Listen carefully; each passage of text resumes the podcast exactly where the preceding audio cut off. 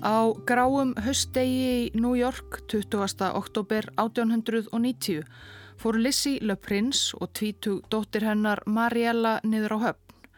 Farþegarskipið Umbria var komið til hafnar frá Liverpool á Englandi. Á bakkanum byðum aðgurnar og fyldust með um 1300 farþegum Umbriu streyma frá borði. Þær voru að býða eftir einum farþega sérstaklega eiginmanni Lissi og föður Mariellu, uppfinningamanninum Louis Le Prince. Le Prince hafi verið árum saman fjari fjölskyldu sinni í Evrópu. Langþráð ferð hans heim til New York lág um Dijon í Fraklandi þar sem hann hafi heimsótt bróður sinn um París, Lundunir og Leeds þar sem búið var að pakka niður nýjustu uppfinningu hans til fluttnings til Bandaríkjana. Svo Liverpool og með Umbriu til New York. Le Prince og kona hans Lizzie voru í reglulegu sambandi meðan hann var í Englandi, vön að skrifast á í hverri viku. En nú var þetta langt og stránt ferðalag og mikið að gera hjá eiginmanninum, svo haustið 1890 hafði Lizzie ekki kipt sér upp við það að lítið heyrðist frá honum um stund. Hún vissi hvenar væri vona honum heim. Lissi hafði heldur ekki áhegjur á Hafnarbakkanum 20. oktober 1890 þó að hún kæmi ekki strax auga á einstaklega hávaksin eiginmann sinn standa upp úr í þvögunni sem streymdi frá borði skipsins. Aldraður fadir hennar, Joseph Whitley, 74 ára og heilsuveill var einningum borð og þeir tengdafæðgarnir að ferðast saman. Gamli maðurinn notaði hjólastól og verði því áraðanlega með síðustu mönnum frá borði. Það varð og og seintu um síðir byrtist loks Joseph Whitley á landgöngubrúni. En hann var ekki, sá Lissi strax í fyllt tengdasónar síns heldur annars manns, fjarskilds frænda að nafni Arthur Oates. Le Prince kom aldrei til okkar í Leeds frá Fraklandi, útskýrðu Oates og Whitley þegar þau helsuðust svo frændin var fengin að fylgja gamla manninum í hans stað. Þetta var á tíma þegar bæði ferðalög og all samskipti staða á milli tóku yfirleitt miklu lengri tíma en nú er, svo það vakti ekki endilega miklar áhyggjur strax að Le Prince stæði ekki við ferðaáætlun sína. Hann hlaut að hafa mikið að gera og græja í París og því tafist, öll plön hans hliðrast, hugsaði Lizzie. Hún hafði svo aðrar áhyggjur meira aðkallandi, henni leist ekkert á ástand föður síns sem virtist í engu standi til að ferðast heimsálfa á milli, jafnvel við dauðan styr. Hún skrifaði manni sínum, sem hlaut þá að vera í París, til að láta hann vita af ástandi tengdaföður sinns og kvatti hann til að koma sér til New Yorkið fyrsta. Það var kært milli tengdafeðgana og Le Prince hliti að stökva til. En dagar liðu og vikur og ekkert svar barst. Og þegar Jack, bróðir Lizzie, fór að spyrjast fyrir í Evrópu kom í ljósað enginn sem þau þekktu vissi hvar Le Prince var niðurkominn. Hann hafði ekki sérst á vinnustofinni í Leeds, nýja í París. Jack rætti við vini Le Prince, bankamannin Richard Wilson og frú sem hafði átt von á honum frá Dijon og ætlað samferða til Englands en þau gefist upp á að býða eftir honum, dreyið sömu áleiktun og fleiri að vinur þeirra hliti að hafa tafist eitthvað, lítið mál þau hlitu að hittast síðar. Jack hafði líka samband við Albert Le Prince, bróðurinn sem Louis hafði heimsótt í Dijon. Hann saðist hafa kvart Louis á brautarpallinum 16. september 1890 og síðan ekkert til hans heyrt eða séð. Síðan voru þá liðnar meira en fimm vikur og það var ekki víst hvort Le Prince hafði yfirleitt farið úr lestinni í París. Það var eins og hann hefði gufað upp um borð, maðurinn sjálfur og allur hans farangur. En það gat bara ekki verið. Lizzie Le Prince einsetti sér að finna eiginmann sinn. Eiginmannin sem hafi verið svo nálagt því að kynna uppfinningu sem hann var handvisum að myndi breyta heiminum.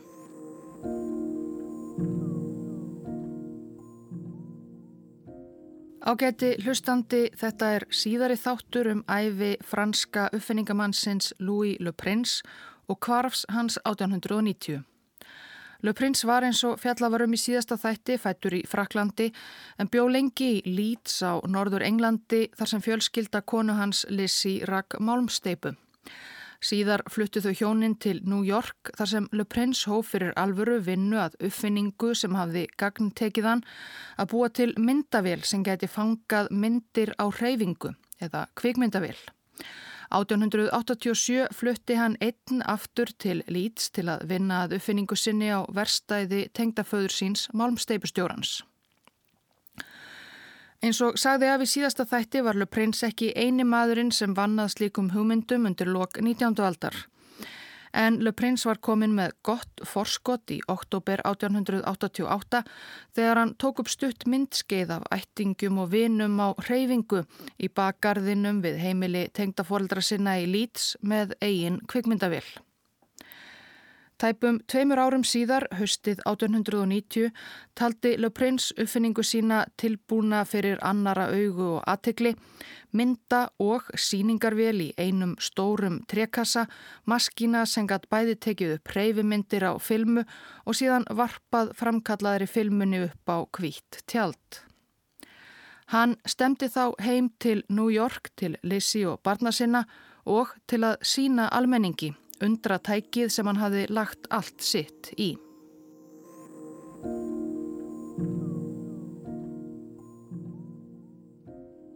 Heilt Allandsaf skildi að Lysilu prins og Dísjón borgina þar sem sást síðar til einmanns hennar.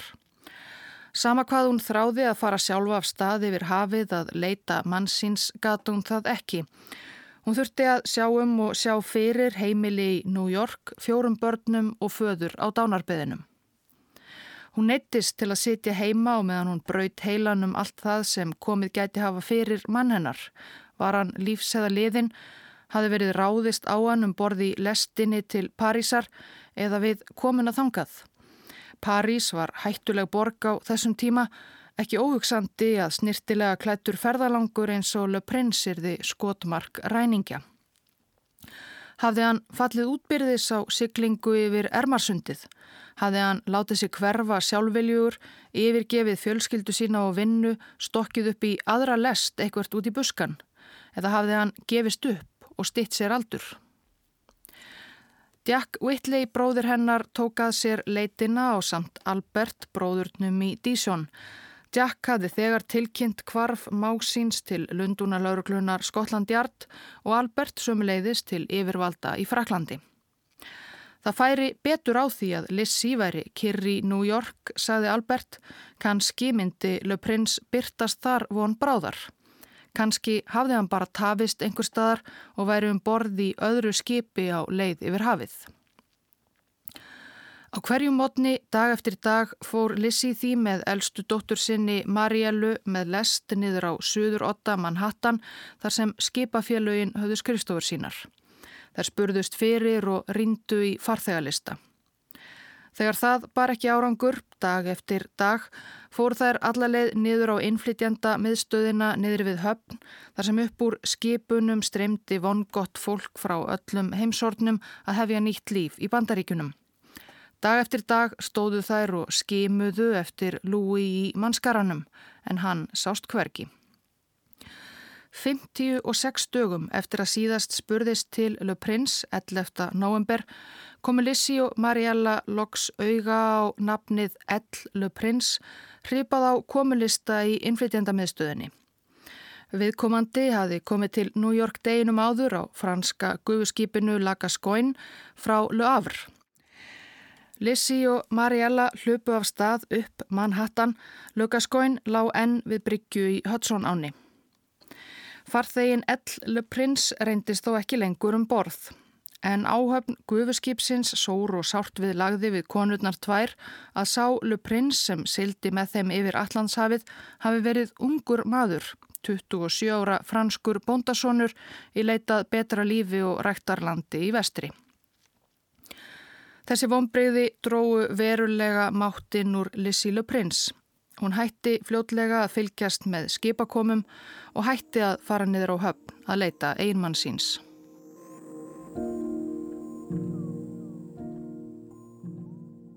Richard Wilson, vinnur Le Prince sem hafði ætlað að hitta hann í París, fekk aðgangað vinnustofu hans og verstaði í Leeds. Það virtist ekki sem Le Prince hefði komið þanga lengi.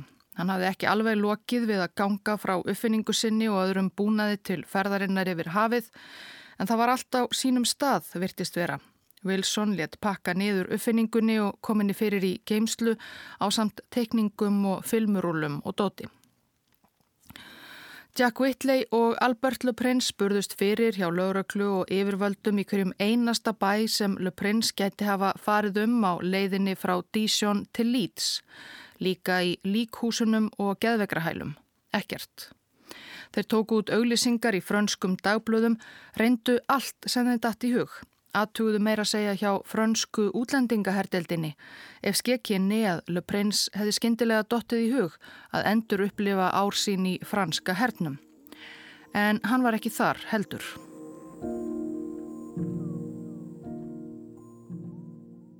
Dag nokkurn í oktoberbyrjun 1890 var dýrabjöllunni ringt heima hjá Lizzie og börnunum í gömlu húsi í Washington Heights á Manhattan.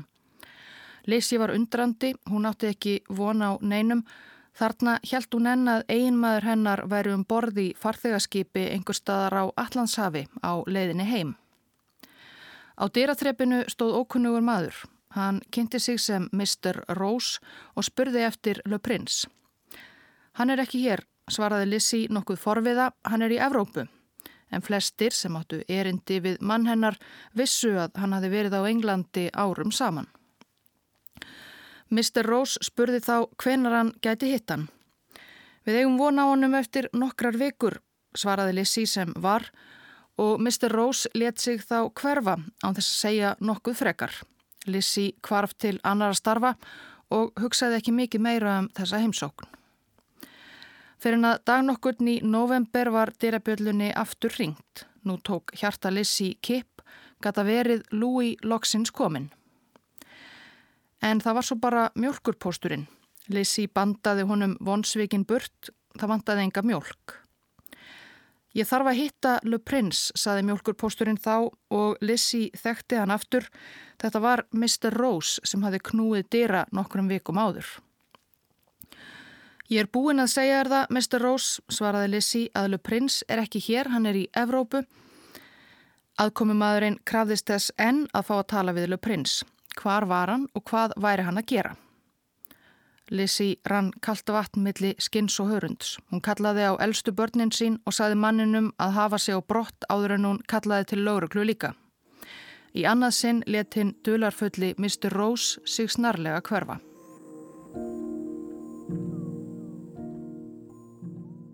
Joseph Whitley lést á heimili dóttur sinnar í New York snemma í janúar 1891 án þess að hafa séð tengdasón sinn kynna hugmyndina sem hann hafi hjálpað honum með og kostað að hluta. Fáar fregnir bárust á orðið frá Leit, Jack og Alberts í Evrópu og lítið sem ekkert frá ennsku og frönsku lauruglunni. Lissi hafi líka leitað til New York lauruglunar en mættar litlum áhuga. 28. mæ 1891 voru meira en 8 mánuðir síðan síðast hafði sérst til Louis Le Prince. Að morgni þessa fymtudags tók Lizzie upp dagbladið New York Sun og rak strax augun í stærstu fyrirsögnina á forsýðu. Kinetograf, nýjasta og óvæntasta tækni Edisons, hrein, hreyfing tekin upp og framkölluð. Senur, personur, reyfingar og rattir óperunar má framkalla heima í manns eigin stofu með þessari stórfenglegu vél sem tekur 46 ljósmyndir á sekundu um leið og fónografinn tekur upp hljóðbylgjur og varpa svo reyfimyndum á tjald á meðan fónografinn spilar tal og söng. Bandaríski uppfinninga eða galdramaðurinn eins og hann var gerðnan kallaður Thomas Edison hafði þegar fundið upp Ramags ljósaperuna og hljóð upptökugræjuna fónografinn Hér kynnti hann nýjustu undratæki sín reyfimyndavélina Kinetograf og síningarvélina Kinetoskóp. Í Grein Sönn fór Edison yfir það hvernig Kinetografin virkaði í grófum dráttum með því að renna rullu af þunri filmu í gegnum myndavélina sem knúin var með sveif. Það var ekki langt í það fullirti Edison að brottborgarar bandaríkjana gætu með kínetograf og kínetoskóp stitt sér stundir með óperusýningum heima í stofu. En heima í sinni stofu varð Lissilu Prins þess fullviss því lengra sem hún las að undratæknin sem Edison var að lýsa fyrir bladamanni væri uppfinning einmannshennar. Ég hef ekki fengið eina hugmynd á æfinni. Mínar svo kulluðu uppfinningar voru þegar til í umhverfinu. Ég tók þær bara fram. Ég hef ekki skapað neitt. Það skapar engin neitt. Einn þekktasti uppfinningamæður sögunar, Thomas Edison, let einu sinni hafa þetta eftir sér. Ímislegt hefur lengi verið loðið um tilurð kínetoskópar Edisons en nokkuð óumdelt í dag að Edison sjálfur átti í henni ekki stærstan eiginlegan þátt. En svo sagt var frá í síðasta þætti helt Edison úti vinnustofu í New Jersey þar sem störfuðu margir frambærilegir vísinda og uppfinningamenn við að gera hugmyndir meistaransað veruleika ef hugmyndir skildi þá kalla. Hugmyndir Edisons kviknuðu jú gjarnan við lestur vísindarita og engaleifis umsókna annara uppfinningamanna þar sem hann þefaði uppi hugmyndir annara sem hann og starfsmenn hans gætu betrum bætt. Svo verðist sem að einhver tímanum 1888, sama ár og Louis Le Prince í Leeds tók upp þau myndskeið sem hafa varðveist eftir hann, hafi Edison byrjað að fabulera um vél sem myndi gera fyrir augað þar sem fónografin gerði fyrir eirað. Það var svo sem ekki að undra. Ljósmyndatæknin hafi farið sigur förum heiminn síðustu áratögi og varla hafa vangaveltur ímissa um næstu skref, hreyfimyndir, farið fram hjá Edison. Snemma árs 1888 satt Edison þannig fyrirlestur ljósmyndarans Edvards Muybridge sem hafi áratug fyrr tekið leiftursnöggar myndir af veðlaupahestum Kaliforníu jöfursins Stanfords á stökki. Muybridge hafi þarna einnig fundið upp flokna leið til að skeita hestamyndunum eða öllu heldur teikningum byggðum á ljósmyndunum saman og varpa stökkinu á tjald. Þeir Móibrits og Edison rættu saman að fyrirlestri loknum um mögulegt samstarf. Móibrits var með ýmsar hugmyndir um hvernig bætamætti tæki hans og Edison fekk hjá Móibrits ýmsar upplýsingar, teikningar og filmur. Svo hafði hann ekki samband við Móibrits meir. Hálfu ári síðar sendi Edison inn umsóknað frum engaleifi fyrir hreyfimyndavél sem hann kallaði kinetoskóp. Umsóknin var óljós en það var Edison ekki sjálfur alveg vissum hvernig maskína þessi ætti að virka. Hann fól mönnum sínum einfallega að komast að því. Skotin William Kennedy Dixon hafði sendt Edison atvinnu umsókn yfir hafið 18 ára 1879. Hann fekk nei en Dixon sildi samt til bandaríkjana og tókst eftir þryggja ára hark að tryggja sér vinnu hjá meistaranum. Dixon vann fyrst á vélaverstaði Edisons á Manhattan. Meðal kollega hans þar var leiftur snjall innflytjandi frá Serbíu Nikola Tesla. Sá staldraði þó ekki lengi við, kom ekki saman við yfirmannin. En um 1886 var Dixon fluttur á nýja vinnustofu Edisons í New Jersey í West Orange. Dixon var liðtækur ljósmyndari sem gerði það verkum að Edison ákvaðað hann skildi þróa fyrir hann kvikmyndavilina. Dixon var líka snjall og vinnusamur en óneitanlega nöyt hann við þróunarvinnuna góðs af hugmyndum annara. 1889 fór vinnuveitandi hans Edison til Parísar að skoða heimssýninguna þar í borg og Um leið heimsótti hann ímsa helstu vísinda og uppfinningamenn frakka. Þar á meðal var Etienne Jules Marey sem hafði 1882 fundið upp ljósmynda bissu með gikk sem smelti ört af myndum á þunna pappisfilmu. Marey var þarna líka farin að sísla við síningarvél fyrir bissumindir sínar.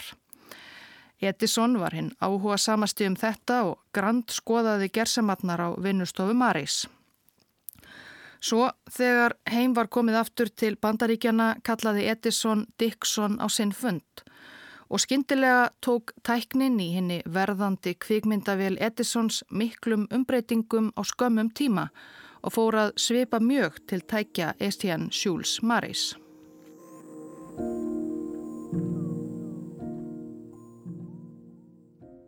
Edison hafði í raun og veru lítinn áhuga á kveikmyndum, sá ekki fyrir sér að þær getu orðið sérlega netsamlegar nýja arðbærar. Hann var hryfnari af praktískari uppfinningum, deildi sem sé alls ekki háleitum hugssjónum Louis Le Prince um að kvikmyndatæknin geti sameinað fólk aukið samkend og skilning manna á milli. Það segir kannski eitthvað um trú Edisons á uppfinningunni að hann kynnti kinetoskóp sína ekki með pomp og prakt fyrir fullum sal fólks eða í stóri greini í Scientific American, heldur í hátdegisverði sem eiginkona hans mína hjælt í tengslum við landsþing kvenfélaga í New Jersey. Og tæknin virkaði ekki alveg eins og líst var á svo magnaðan hátti í forsiðu frétt New York Sun. Það var ekki alveg orðið svo að hægt væri að hlamma sér í hægjendastóli í stofunni og fá Metropolitan óperuna fyrir framann sig bæði hljóð og mynd. Það sem kvenfélagskonurnar þurftu að gera var að bera auga upp að litlu gæjugati á stærðarinnar maskínu Edisons. Þar út úr myrkrinu byrtist þeim svo ungur maður með myndalegt yfirvaraskegg, snirtilega klættur í vesti og með slifsi. Hann brosti breytt og hjælt á hatti sem hann færði svo hægt úr einni hönd yfir í aðra. Hreyfingin hlóðlaus tókum þrjár sekundur í allt. Þetta var William Kennedy Dixon sjálfur með hattin. Hvernfélagskonurnar höfðu upplifað fyrstu kvikmyndina úr smiðju Edisons.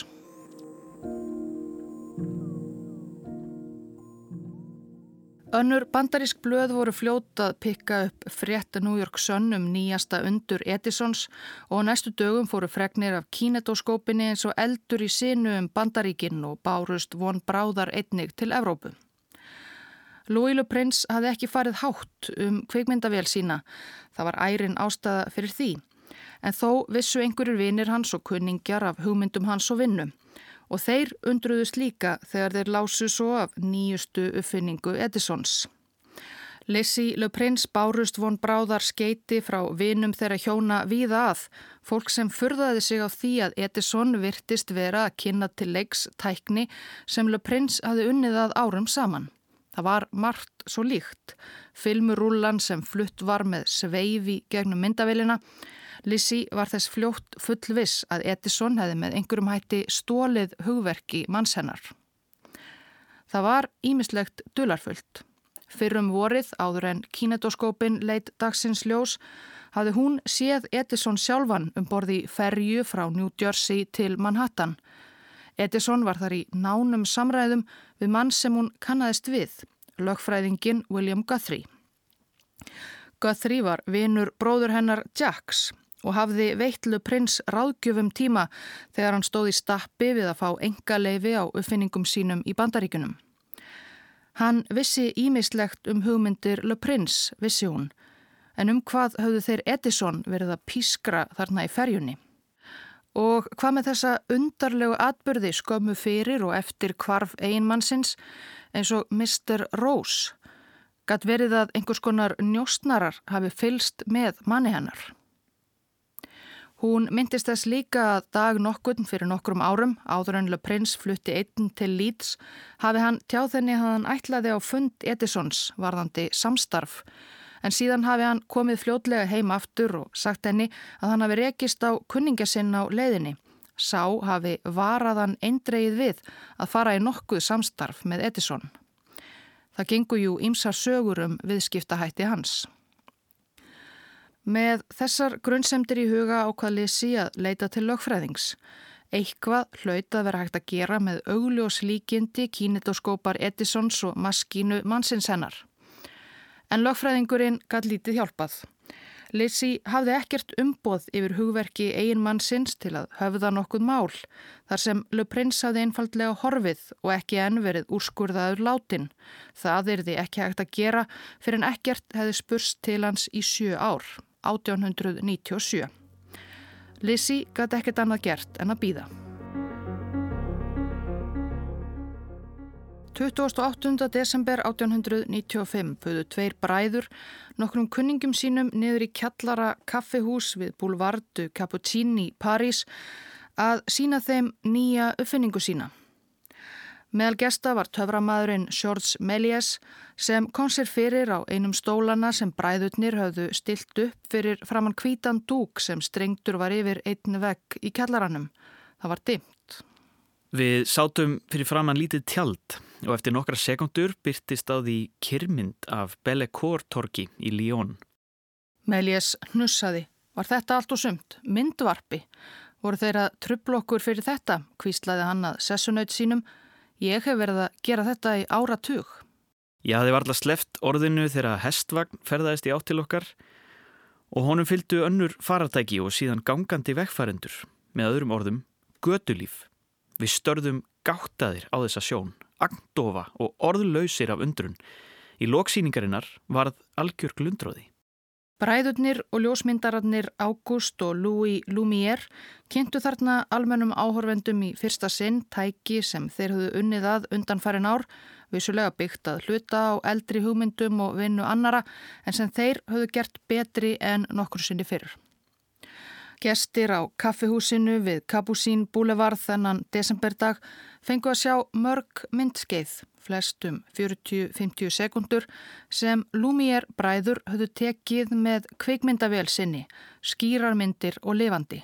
Borgarlífi, Líón, ljósmyndarar að ganga yfir brú, barn dáist að gullfiski í skál, járnsmiðir að störfum og svo stuttar komiskar senur eins og maður sem reynir ítrekkað og klauvalega að komast á bakk hesti.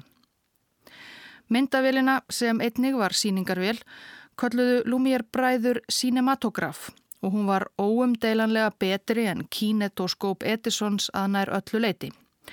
Súvél hafði í raun alls ekki verið tilbúin þegar fyrstu fréttir af henni byrtust að loknum Kvenfélagslönsinum 1891. Kinetoskópin var ekki tilbúin á markað fyrir enn þremur árum síðar. Almennt áhuga leysi Edisons á möguleikum kvikmyndana hjálpaði eflaust ekki til við þróunarvinnuna.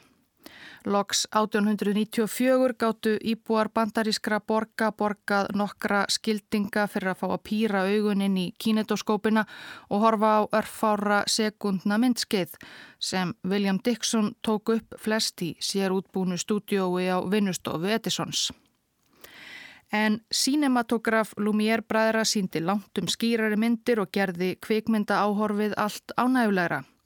Von bráðar voru langa raðir fólks fyrir utan kaffihúsið við Kabusín búlevarð og hundruð manna borguðu sig inn til að sjá kvikmyndasíningar bræðrana á hverjum degi. Þeir fóru svo með velina í heimsreisu og var kvarvetna tekið af gríðarlegum áhuga. Fleiri Kvikmyndatöku og síningarmaskinur röttu sér rúms upp úr þessu og fljótt komi ljósað heimsbyðina þyrsti í galdra kvítatjálsins. Þegar kvikmyndatæknin fór loks sem eldur í sínu um heimsbyðina fyldust Lissile Prins og börn hennar með með nokkur í hrigð.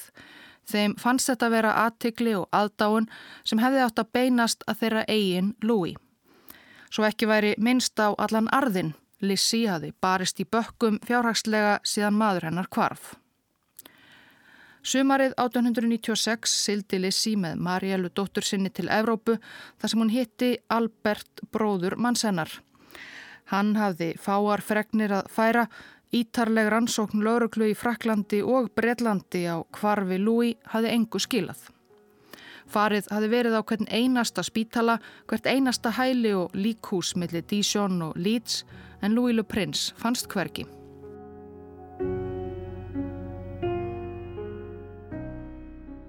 Thomas Edison fyldist líka með sigurgöngu kvikmyndana og gramdist að hafa haft rámt fyrir sér. Það reyndust vissulega miklir peningar í kvikmyndabransanum og honum gramdist að hans eigin kinetoskóp hafði orðið undir í tæknislæginum þrátt fyrir að hafa verið með fyrstu kvikmyndavílum. Edison hafði engaleifi á einhverjum hluta vila sinna, ekki öllu heila klappinu því það hafði reynst erfitt að fá engaleifi þegar svo stór hluti uppfinningana var svo greinilega byggður á eldri tækni og hann ákvaði í ágúst 1897 að snúa vörn í sókn og fela lögmönnum sínum að höfða mála á hendur því sem þá var orðið eitt helsta kvikmyndafyrirtæki bandaríkjana.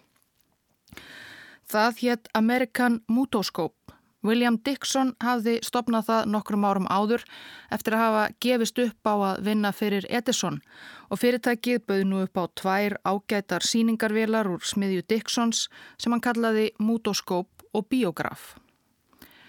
En Amerikan Mutoskóp hafði málsvörn á reyðum höndum. Það var nokkuð ljóst að Edison gatt ekki sakað aðra um að hafa brotið gegn engaleifum hans Því hann sjálfur hafði með uppfinningu sinni greinilega brotið gegn öðru og eldra engaleifi sem veitt var Louis Augustin Le Prince fyrir kvikmynda á síningarvél árið 1888. 7. desember 1898 bar Adolf Le Prince, elsti sonur uppfinningamannsins, 26 ára gamall, Vittni í dómsal neðarlega á Manhattan í forréttarhöldum í máli Edisons gegn Amerikan Mutoskóp. Louis Le Prince hafði þá loks verið úrskurðaður látin sjö árum eftir kvarfið en ekki hans var hætt við að reyna að höfða mál gegn Thomasi Edison, mál gegn hennum fræga og auðuga uppfinningamanni væri óvinnandi, sögðu henni allir loksbyggingar. Hún var búin að gefast upp. En með þessu dómsmáli gat Le Prince hennar alltjent fengið uppreist æru, kannski örlittla hemmt. Adolf gaf greina góða lýsingu og þróun uppfinningar föður síns sem svipaði svo mjög til tækja Edisons. Hann hafði farið í sérstakaferð til Englands til að skoða skjöl föður síns, verkstæði og vinnustofu. Hann hafði allt á hreinu, útskýrði hvernig vélinn virkaði og síndi kyrmyndir af dansi hans og fjölskyldu hans í bakgarðinum í Leeds sem Le Prince hafði tekið upp áratug áður.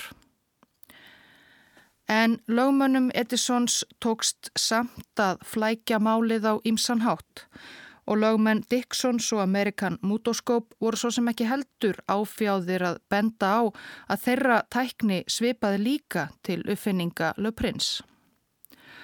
Svo fóra þáttur Le Prince var ekki tekin upp aftur í aðal meðferð málsins.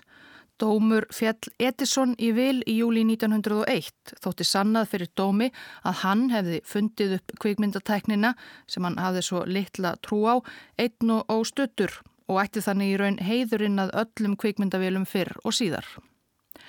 Amerikan Mutoskóp áfrýjaði um leið, dómari í áfrýjunardómstól hafði aðra sín á málinu og dæmdi Mutoskóp í vil. Hann fordæmdi misnótkun Edisons á engaleifa kerfinu. Hann hefði ekki fundið upp kvikmyndirnar einn og óstuttur. Það væri auðsýnilegt á eldri engaleifum eins og nefndi dómari sérstaklega Leifi Le Prince frá 1888. Sónurinn Adolf Le Prince var ekki vitni að því þegar fadir hans komst loks í tal í domsal sem frumköðull í kvikmyndatækni. Tæpum mánuði eftir að Edison hafi betur í fyrsta umgangi dómsmálsins og ljóst var að Adolf hafði mistekist að verja nafn föður síns, hafði hann skotið sig með rifli í höfuðið.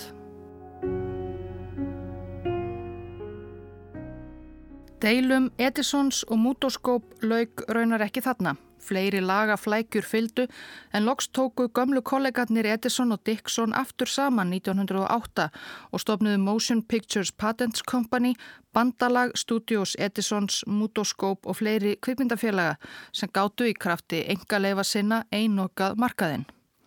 Það var þó fljótt til þess að mörg minni framleiðslu fyrirtæki og kvikmyndagerðamenn fluttu sig þvert yfir bandaríkin til að losna undan ægivaldi Edisons í New Jersey og komið sér fyrir í Kaliforníu þar sem fljótt var dansi blómlegur biobransi. Lizzie Le Prince lést 1925, 79 ára að aldri. Hún taldi allatíð, sögðu afkomendur hennar, að Thomas Edison hefði haft eitthvað að gera með kvarf eða dauða einmanns hennar. Og það sem meira var kannski dauða elsta sonar hennar líka. 1993 unnu franskir kveikmyndagerðamenn að sjónvarsþætti um landasinn og kollega Louis Augustin Le Prince. Vitaskuld reyndu þeir og að leysa ráðgátuna. Meðal þess sem þeir gerðu var að gramsa í skjálasafni Líkhús Parísarborgar. og þar fann einn kveikmyndagerðarmannana skýrslu um mann sem hafi líklega druknað í signu og fannst í róstusömu 15. hverfi borgarinnar aðfara nótt 10. oktober 1890. Lóðruglu hafði ekki tekist að bera kennsla á mannin. Hann var á miðjum aldri millir 45 og 55, snirtilega klættur, nokkuð skrámaður í andliti, hafði ekki leið í vatninu lengi. Lík mannsins var haft til sínis í líkúsinu í einhverja daga í vonum að einhver vitjaði hans. Það gerði engin og 4. november var hann um hólað niður í jörðina í ómerta gröf. Áður var þó ljósmynd tekin af líkinu. Það var hún sem vakti aðtekli kvikmyndagerðarmannana því óþekti maðurinn skartar miklu gráu eða kvítu skeggi og honum svipar óneitanlega nokkuð til Le Prince hafði uppfinningamadurinn orðið fornarlamp ræningja eftir komina til Parísar sem rændu hann farangri sínum og kostuðu honum út í signu. En það er margt sem bendir til að óþekti maðurinn sé ekki Louis okkar Le Prince. Hverki í skýrslu líkúsins er minnst á hæð líksins en Le Prince var óvenju hávaksinn 190 cm. Skeggið passar heldur ekki alveg við síðustu myndir sem teknar voru af Le Prince. Og síðast sást til Le Prince 16. september 1890 hvar hafði hann þá haldið sig fram í fyrstu viku oktobermánaðar þegar maðurinn að líkindum druknaði.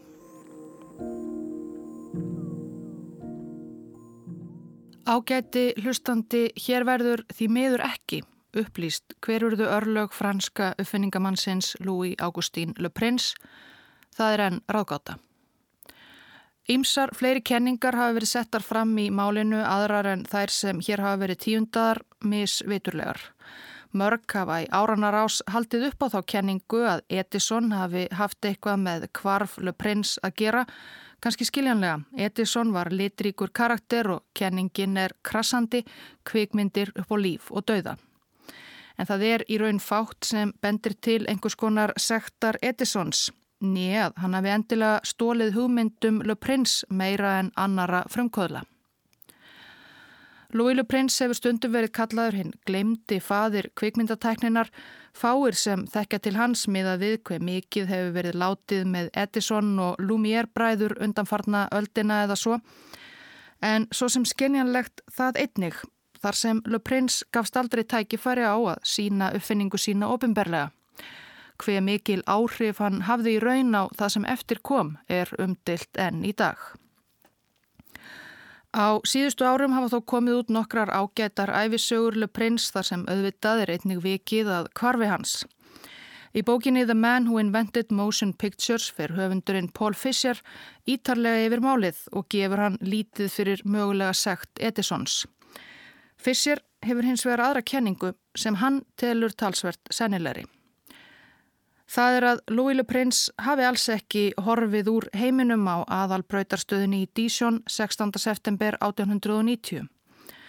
Eina heimild okkar fyrir þeirri meintu staðreind er frásögn Alberts Le Prince bróður hans sem saðist hafa kvattan á bröytarpallinum og þannig orðið sá síðasti sem sá til hans. En hvað ef Albert var að ljúa? Í bóksinni rekur Fischer Ímis fjárhagsvandræði begja bræðra. Þarna 1890 var svo komið að Albert skuldaði Louis umtalsvert fjö þó að Louis væri sífælt í krokkum sjálfur. Albert hafi mist einkonu sína nokkrum árum áður og stóð uppi einn með þrjú börn. Það var hart í ári í Fraklandi Báðir áttu bræðurnir mikið undir þeim móðurarfi sem þeir áttu eftir að útkljá hvernig er þið skipt. Albert hafi stjórnað leitinni að Louis í Evrópu fyrir hönd Lizzie mákonu sinnar sem var först í New York, haft samband við lauruglumenn og líkús og svo framvegis. En Pól Fischer tókst ekki að finna nokkrar heimildir í skjálasöfnum um að frönsk yfirvöld hafi rannsakað kvarf Le Prince á þann ítarlega máta sem Albert staðhefði. Nýja virðist Albert hafa byrt auglisingar í blöðum eins og hann sagði Lissi á sínum tíma.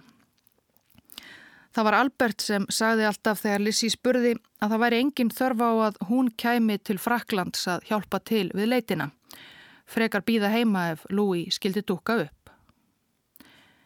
En eins og Paul Fisser ítrekkar í bóksinni þá vitum við ekki hver örlög Louis Le Prince urðu og munum líklegast aldrei vita.